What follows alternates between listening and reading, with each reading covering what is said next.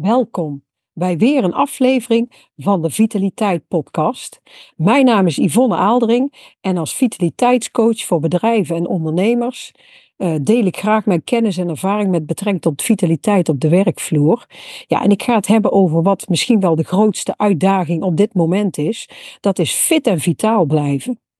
Nou, ik deel graag allerlei uh, onderwerpen uit mijn dagelijkse praktijk. En uh, vandaag wil ik het met jullie gaan hebben over, uh, ja, waar blijven nou eigenlijk die vetcellen als je gaat afslanken? Ik begeleid veel mensen met afslanken hè, en uh, mensen gaan kilo's verliezen, maar wat gebeurt er nou eigenlijk met al dat vet? En dat is misschien wel heel interessant om dat eens met jullie te belichten. Nou, ehm, wil je nog wat meer van mij weten? Kijk ook gerust een keer op mijn website www.ivofit.nl of abonneer je op mijn podcast of YouTube kanaal. Nou, vandaag, ik zei het al, waar blijven onze vetcellen? Uh, ja, we zien dat mensen, zeker in het begin van het jaar, maar ook net voor de zomervakantie, als ze weer in de bikini willen, hè, dan komen de, de goede voornemens. Hè, men gaat uh, aan de slag hè, met flinke volharding en soms met wat geluk, dan verlies je enkele kilo's. Maar ja, waar gaat nou al dat overtollige vet naartoe? En ik heb dat gewoon eens uitgezocht, hoe dat het vet jouw lichaam verlaat, maar ook waarom het zo snel terugkomt. Want soms zien we dat mensen heel veel afvallen, maar dat ze een paar maanden later, dat ze gewoon weer terug op hun oude gewicht zijn. Nou, en die vraag die krijg ik natuurlijk ook heel vaak van, uh, van cliënten. En um, ja, zo weten ook heel veel mensen niet dat je geen vetcellen verliest bij het afvallen, maar eigenlijk alleen maar de inhoud ervan. Het aantal vetcellen blijft gewoon precies hetzelfde. En daarom zie je soms ook dat iemand die liposuctie doet, hè, dan worden de vetcellen bijvoorbeeld bij de buik, die worden leeggezogen, weggezogen. En um, ja, daarna moet je er wel voor zorgen dat ze ook leeg blijven. Dus je moet je leefstijl aanpassen. En dat is ook de reden dat ik het zo triest vind dat tegenwoordig heel veel kinderen te dik zijn. Want de, de vetcel die wordt in de vroege kinderjaren gevormd en die hoeft daarna alleen maar gevuld te worden of te blijven. En als jij dus een kind te dik laat worden, dan geef je hem of haar al een erfenis mee voor later. Ja, en ik zie dat persoonlijk als een vorm van kindermishandeling, maar goed, dat is mijn mening. Want vroeger, in mijn jeugd, zag je geen te dikke kinderen. dat was echt een uitzondering. Als een kind te dik was, dan had het vaak een of andere ziekte.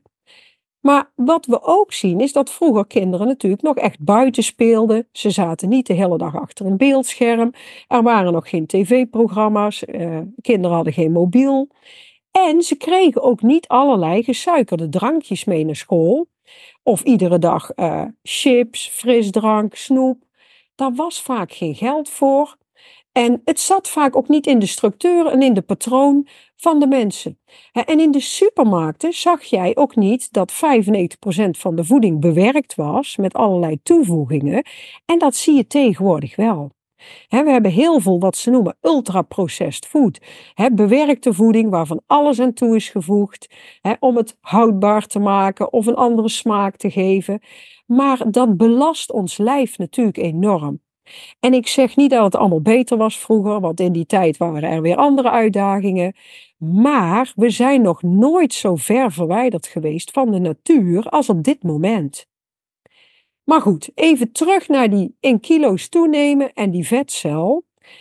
Waar kilo's vandaan komen, nou dat is al een hele tijd geen mysterie meer, hè? want um, dat is gewoon een eenvoudige rekensommetje. Neem jij meer calorieën in dan je verbruikt, ja, dan worden die overtollige energie, die wordt opgeslagen in ons lichaam, in onze vetcellen. En voor koolhydraten gebeurt dat in de vorm van glucose. En voor eiwitten in de vorm van aminozuren.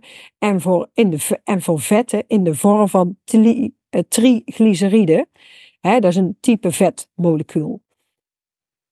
Maar goed, die stoffen die stapelen zich allemaal samen op in de vetcellen, die zowel in grootte, maar ook in aantal kunnen toenemen. Waardoor je, wanneer je eigenlijk een energieoverschot hebt. Ja, met als gevolg een hoger cijfer op de weegschaal. Hè, we nemen toe in gewicht. Nou, gelukkig kun je dit opgeslagen vet kun je ook gaan verbranden. En dat doe je door meer energie te verbruiken dan je consumeert. Maar hoe verlaten nou die, dat vet ons lichaam? Want dat is natuurlijk de vraag. Nou, dat is uh, verrassend genoeg een vraag waar we niet exact het juiste antwoord op weten. Want lange tijd vermoeden wetenschappers dat een deel van het lichaamsvet via beweging en andere lichaamsactiviteiten, hè, dat je het kwijtraakte. En een ander deel zou zich dan weer transformeren tot spiermassa.